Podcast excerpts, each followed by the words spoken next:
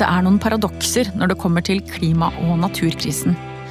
Vi bygger ned og ødelegger masse verdifull natur som kan gi plass til de grønne løsningene. Som datasentre, batterifabrikker og vindmøller. Gruver er også en av dem. Altså store inngrep i naturen for å hente ut mineraler og metaller som vi trenger til nettopp teknologi, batterier og vindmøller som skal drive det grønne skiftet. Hva er det egentlig som står på spill for naturen sin del?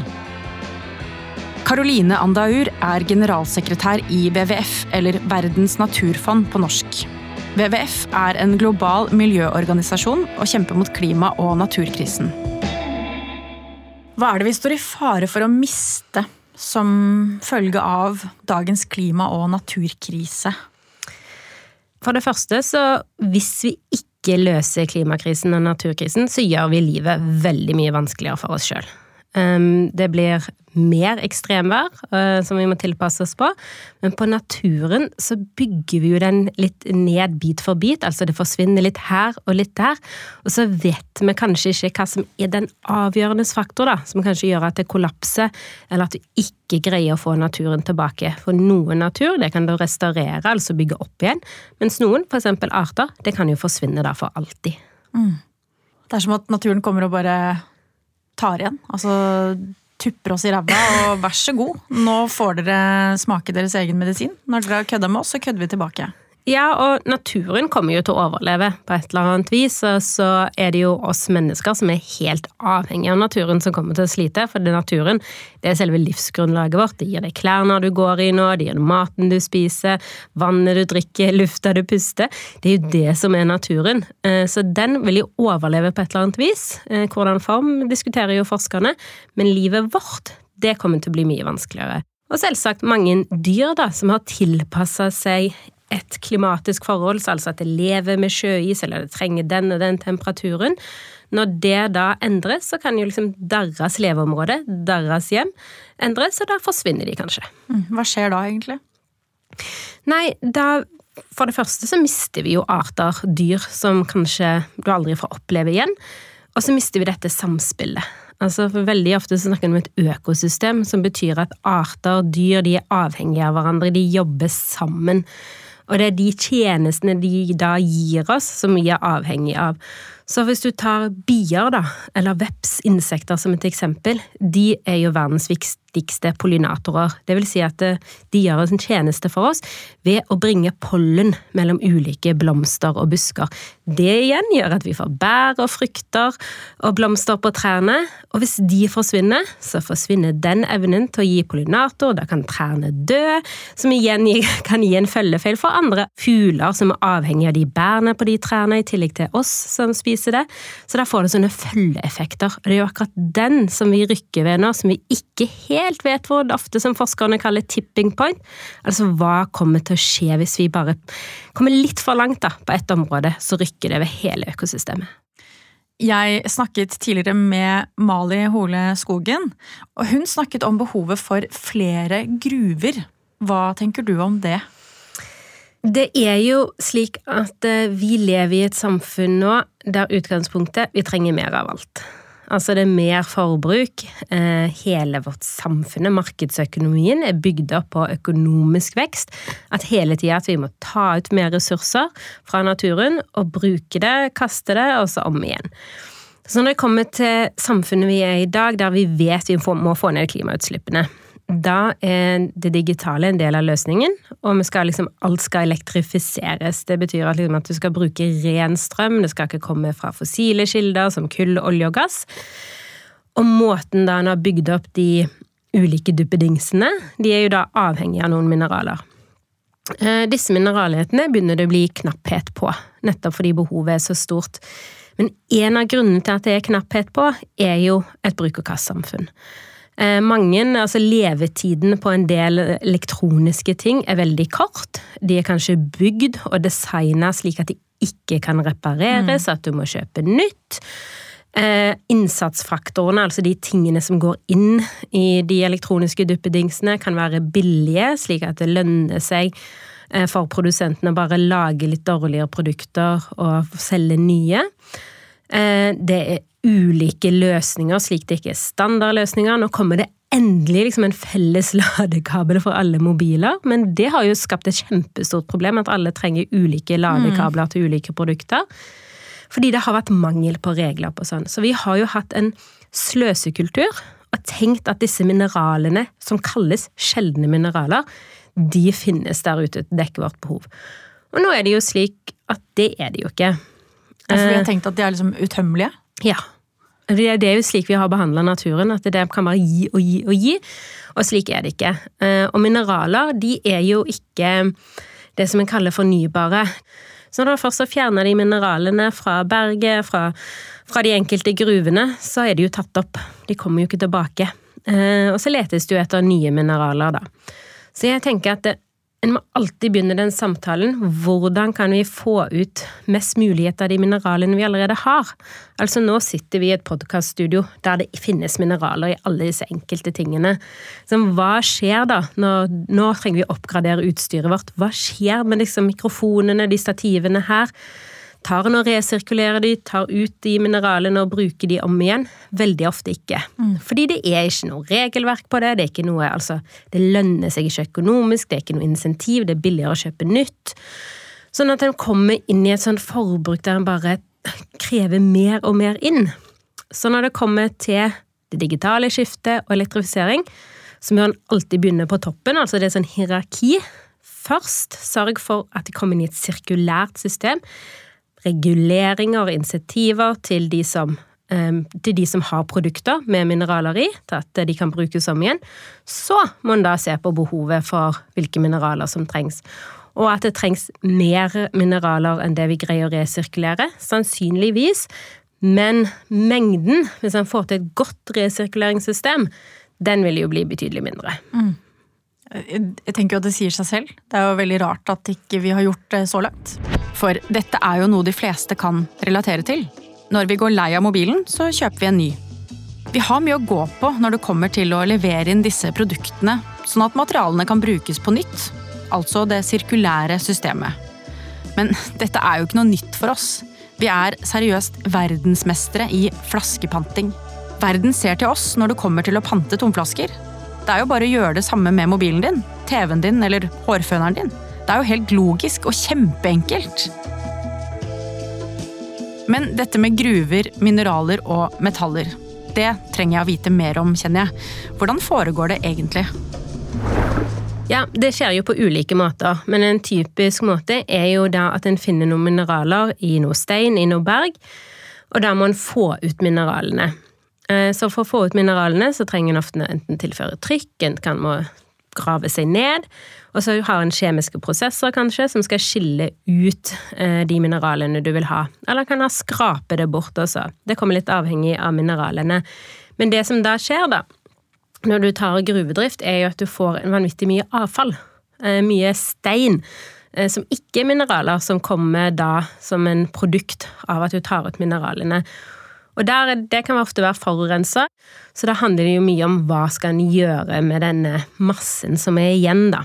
Så mm. det, og i tillegg til at det er jo sår i landskapet som aldri kan reetableres. Har du sprengt et fjell, så har du sprengt et fjell. Mm. Um, så mye handler om hvordan du gjør det, og hva du gjør med disse massene etterpå. Det er ofte det som er avgjørende på miljøavtrykket da, for gruvedriften. Og Norge tillater jo f.eks. dumping av de massene i sjø, eh, som ett av få land, ett av to eller tre land i hele verden som tillater det. Um, fordi det kanskje er den billigste og letteste løsningen. Uh, og mye av driften knytta til gruve så finnes det jo alternative måter å gjøre det på, men det er nødvendigvis ikke det mest økonomiske lønnsomme. Um, hva kan man gjøre i stedet? En kan sørge for at en har bedre lukka det som kalles deponi, altså et system på land der en lukker massene. Men det aller beste en kan gjøre, er å se hvordan kan en bruke de massene til noe annet. Og da må en skape det som verdikjeder. Fordi ofte når vi ser på en næring, så ser vi liksom hva gjør denne her konkret, hva skal den selge til, da må en håndtere det så glemmer en at det kanskje må ha med de som driver med det som kalles stein og pukk, da. De, mm. de, bruker jo det som kan bruke det som bygningsmasse, de kan bruke det til ulike ting. Men da må jo de være kobla på driften og vite at liksom her er det tilgjengelig materiale, det er tilgjengelig da. Slik kan vi håndtere det på en sikker og god måte. Vi må skape verdikjeder eller samarbeide om å gjøre gruveavfall til noe verdifullt som kan brukes av andre. Tenke sirkulært. Det er jo egentlig litt magisk. Når jeg tenker meg om, så har jeg faktisk lagt merke til at søppelbilene i Oslo er merket med verditransport. Så ja, de har jo et poeng. Men apropos verdier. Nå virker det som at regjeringen åpner for gruvedrift på havbunnen. Altså at det skal være greit å lete etter og utvinne mineraler som finnes på norsk sokkel. Og regjeringen mener det er store verdier som befinner seg her, som vil bidra til den grønne omstillingen. Hva tenker Karoline om det? Det tenker jeg er en dum idé akkurat nå. Veldig dum idé, rett og slett. Um, gruvedrift på havbunnen um, har en jo sett på fordi en ser at det er problematisk på land, uh, og at en antar at en trenger veldig mye mer mineraler til det grønne skiftet. Men denne gruvedriften skal skje på havdyp, som vi vet veldig lite om. Det sies jo at vi vet mer om månens overflate enn vi vet om havbunnen vår. Mm. Og i mange tilfeller så stemmer det. Dette er dyphavet ned på 3000 meter dyp, der vi ikke vet hva som lever, hva det betyr for havets økosystem, og sårbare for eh, forstyrrelser, for de har fått lov til å leve i fred. Mm.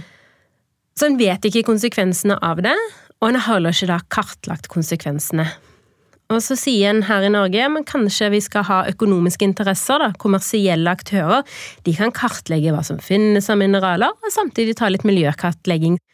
Og det er jo helt feil enda å starte i.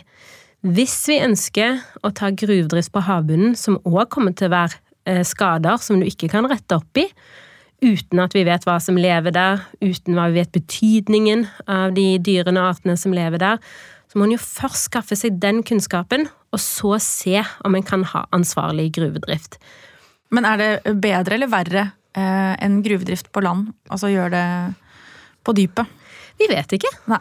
Eh, rett og slett, så Derfor har ikke vi satt sånn nei til gruvedrift på havet. Vi har sagt, eh, kalt det et moratorium, som betyr at en setter det på pause. En venter til en har fått kunnskapen på plass. Hvis vi zoomer helt inn nå på lille Norge, eh, har måten vi her eh, i landet forvalter naturen noe å si i det store globale bildet? Ja, det har det. Ja. Eh. ok, neste spørsmål. Hvordan da? Ja. For det første så handler det om å ta vare på våre ressurser. Sørge for at vi gjør det bærekraftig, at vi skal ha en sameksistens med naturen. Og så handler det jo om vi er et av verdens rikeste land. Og hvis ikke vi greier å ta på vare på naturen, mm. hvem da? Og det tenker jeg er noe norske politikere og næringsliv kommer lett, altfor lett unna med. Fordi vi har jo råd til å ta mm. litt dyrere beslutninger. Vi har råd til å være de første som tester ut ny, kanskje som næringslivet tenker, fordyrendes teknologi, for å gjøre det billigere, for å gjøre løsningene bedre vi har muligheten til å lage disse verdikjedene på liksom hvordan kan en bruke massene om igjen. Ehm, så vi har en, vi har en unik mulighet som kanskje verden, mange land i verden ikke har, da. Mm. Fordi vi er et rikt land.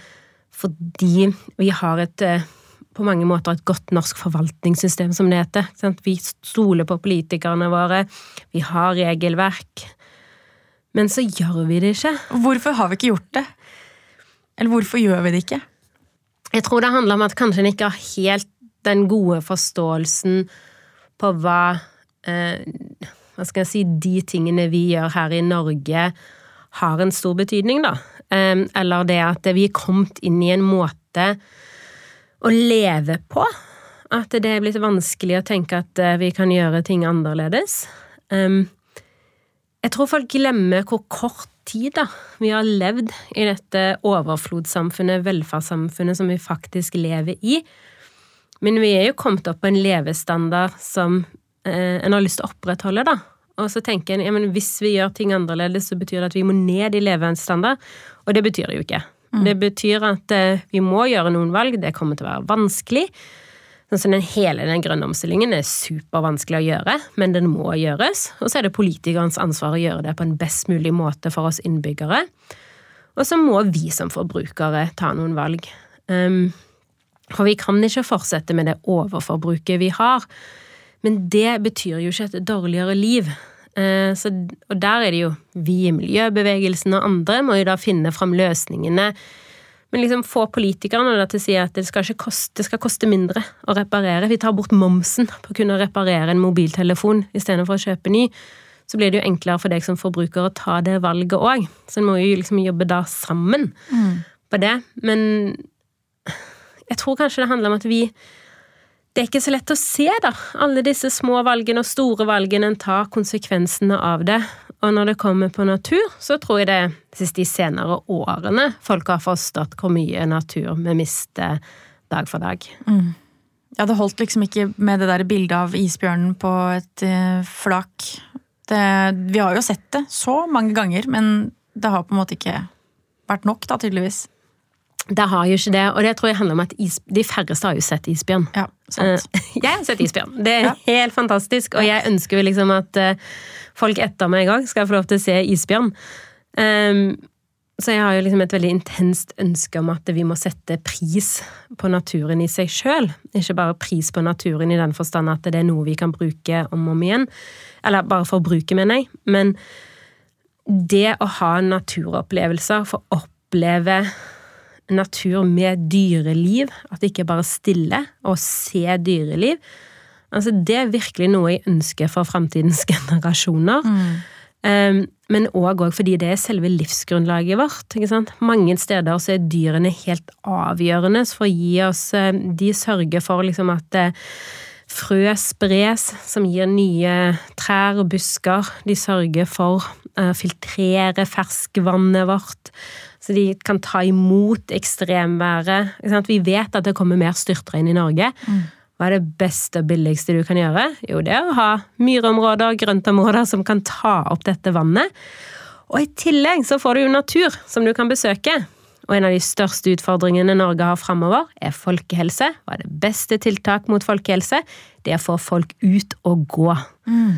Og de færreste vil jo da gå på topptur. De vil gå i nærheten av der de bor, ja. og da kan de jo få naturopplevelser med grøntområder som tar opp vann, kan gi, gi liv til insekter, og, ta, og, sørge for at vi får en kanskje litt bedre helse i tillegg. Mm. Jeg er solgt, jeg. Ja, jeg er overbevist.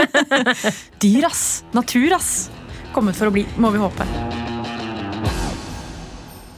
Hvor bærekraftig er egentlig det grønne skiftet, tenker du? Altså, bærekraft handler jo egentlig om tre ting. Eh, det handler om at eh, Ofte så er det på engelsk så sier en 'people, planet and profit', mm. de tre p-ene, men at det er miljømessig bærekraft, det er sosial bærekraft og økonomisk bærekraft. Så når det kommer til det grønne skiftet, så må vi ha flere tanker i hodet samtidig. Ehm, vi sier eksempel i WWF at eh, vi trenger fornybar energi, men vi trenger det på naturens premisser. Mm. At du tar med naturen inn der. Mm. Og i beslutninger som politikerne tar, næringslivet tar, eh, så sier de ja, men vi tar bærekraftige beslutninger. Um, og så legger de veldig stor vekt på den økonomiske bærekraften. Sosial bærekraft kanskje mer tydelig definert hva du skal gjøre, mens på det miljømessige veldig ofte taper. Og de må i mye mer sånn likevekt, da. Um, så naturen, liksom det å ødelegge natur er jo ofte gratis. Den kostnaden ved å bygge ned det området, det regner du ikke inn. Så da får du heller ikke liksom den verdien inn, da, som er vanskelig Det er vanskelig å sette en verdi på, for det første. Men er det bærekraftig, det grønne skiftet? Det kan være det. Mm. Men mange beslutninger som tas, er det ikke. Finnes det håp? Ja. Oh, ok, Det er godt å høre. Fordi Når det gjelder klima, så har jo vi en felles global avtale om å redusere utslipp og nå disse klimamålene. Men gjelder det samme for naturen? Ja, det gjør det, og det er jeg veldig glad for å si. Fordi i fjor, altså i 2022, i desember, så fikk verden en ny global naturavtale. Og da ble en enige blant annet at innen 2030 så skal en stanse tap av natur, en skal halvere det, og så skal en òg sørge for mer natur. En har forplikta seg til at det som heter å restaurere, sørge for å bringe mer natur tilbake. En har satt seg mål på at en skal verne 30 eh, natur både til lands og til havs. En skal sørge for at en har natur i byer, eh, for folk flest kommer til å bo i byer framover. En har sett på hvordan en skal ta og bruke altså ulike former for hvordan du bruker naturen i produksjon, altså som fra landbruk, skogbruk, fiske. En skal avskaffe miljø, miljøfiendtlige subsidier, altså at det, de det finnes nå både i Norge og verden over at vi gir subsidier som for skadelig aktivitet for naturen. De skal kartlegges og bort. Ehm, sånn at det er veldig mye bra verden har sagt de nå skal gjøre.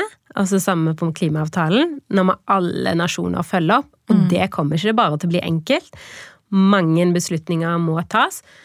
Men nå har vi i alle fall et rammeverk for å si hvor vi skal. Og da kan næringslivet de kan forholde seg til det, politikerne, vi. Så det gjør det mye lettere å ha den samtalen, for nå vet vi i fellesskap hvor vi skal. Jeg blir fylt med håp, jeg også. Ja, og det, grunnen til at jeg har aller mest håp, er jo at det er jo oss, våre aktiviteter, som har gjort det er ikke, liksom, det er ikke en meteor. Mm. Det er ikke, det er ikke noe, noe utenfor oss selv? Nei, det er ikke noe utenfor oss som har skapt den situasjonen vi er i og det teknologiske framskritt som har gjort at vi har nå en del dårlig praksis. Ehm, men da har vi jo alle muligheter til å gjøre om på det mm. og, og, endre det, for det er innenfor vår kontroll. Og så trenger vi liksom bare at flere blir med på det og blir da handlekraftige. Og ikke miste håpet, men tenker at mitt bidrag, det betyr noe. Og legge press på de som har aller mest makt, altså politikere og næringslivet, at de trenger å gjøre mer. Mm. Hvis du hadde all makt, hva er det første tiltaket du ville ha innført? Hva, jeg ville starta med å blitt statsminister ja. og sagt at nå skal vi lage et eh, statsbudsjett. Mm. Vi skal si at alle ministrene mine de må levere et regnskap på hvordan vi kan leve innenfor planetens tålegrenser. Det betyr at du trenger et regnskap over naturen vi bruker, et, eller egentlig et budsjett og et regnskap, altså sånn at vi ser at vi går i balanse. Så du har et budsjett på klima, hvor mye klimagassutslipp du kan ha. Du har et budsjett på natur, hvor mye naturressurser du kan ha. Eh, og så legger en det sammen for å se om Norges aktiviteter gjør at vi lever innenfor planetens tålegrenser. Mm. Og så er det jo slik, det er jo kanskje det jeg ville gjort fordi fremdeles den dag i dag så pekes det liksom om dette er klima- og miljøministeren sin som skal svare ut og ta disse utfordringene. Nei, det er statsministeren, det er finansministeren, mm. som må ta tak i dette og si at hvis vi skal endre Norge til å være bærekraftig og gjøre det grønne skiftet på en god måte, som blir rettferdig, og som ikke gjør det for vanskelig for oss, så må de ta ansvar. Mm. Ja, og hvis ikke så har ikke Jonas Gahr Støre noe sted å gå Birken om noen år. Det er jo det, noe å tenke på. det stemmer òg. Ja. Karoline, tusen takk for at du kom.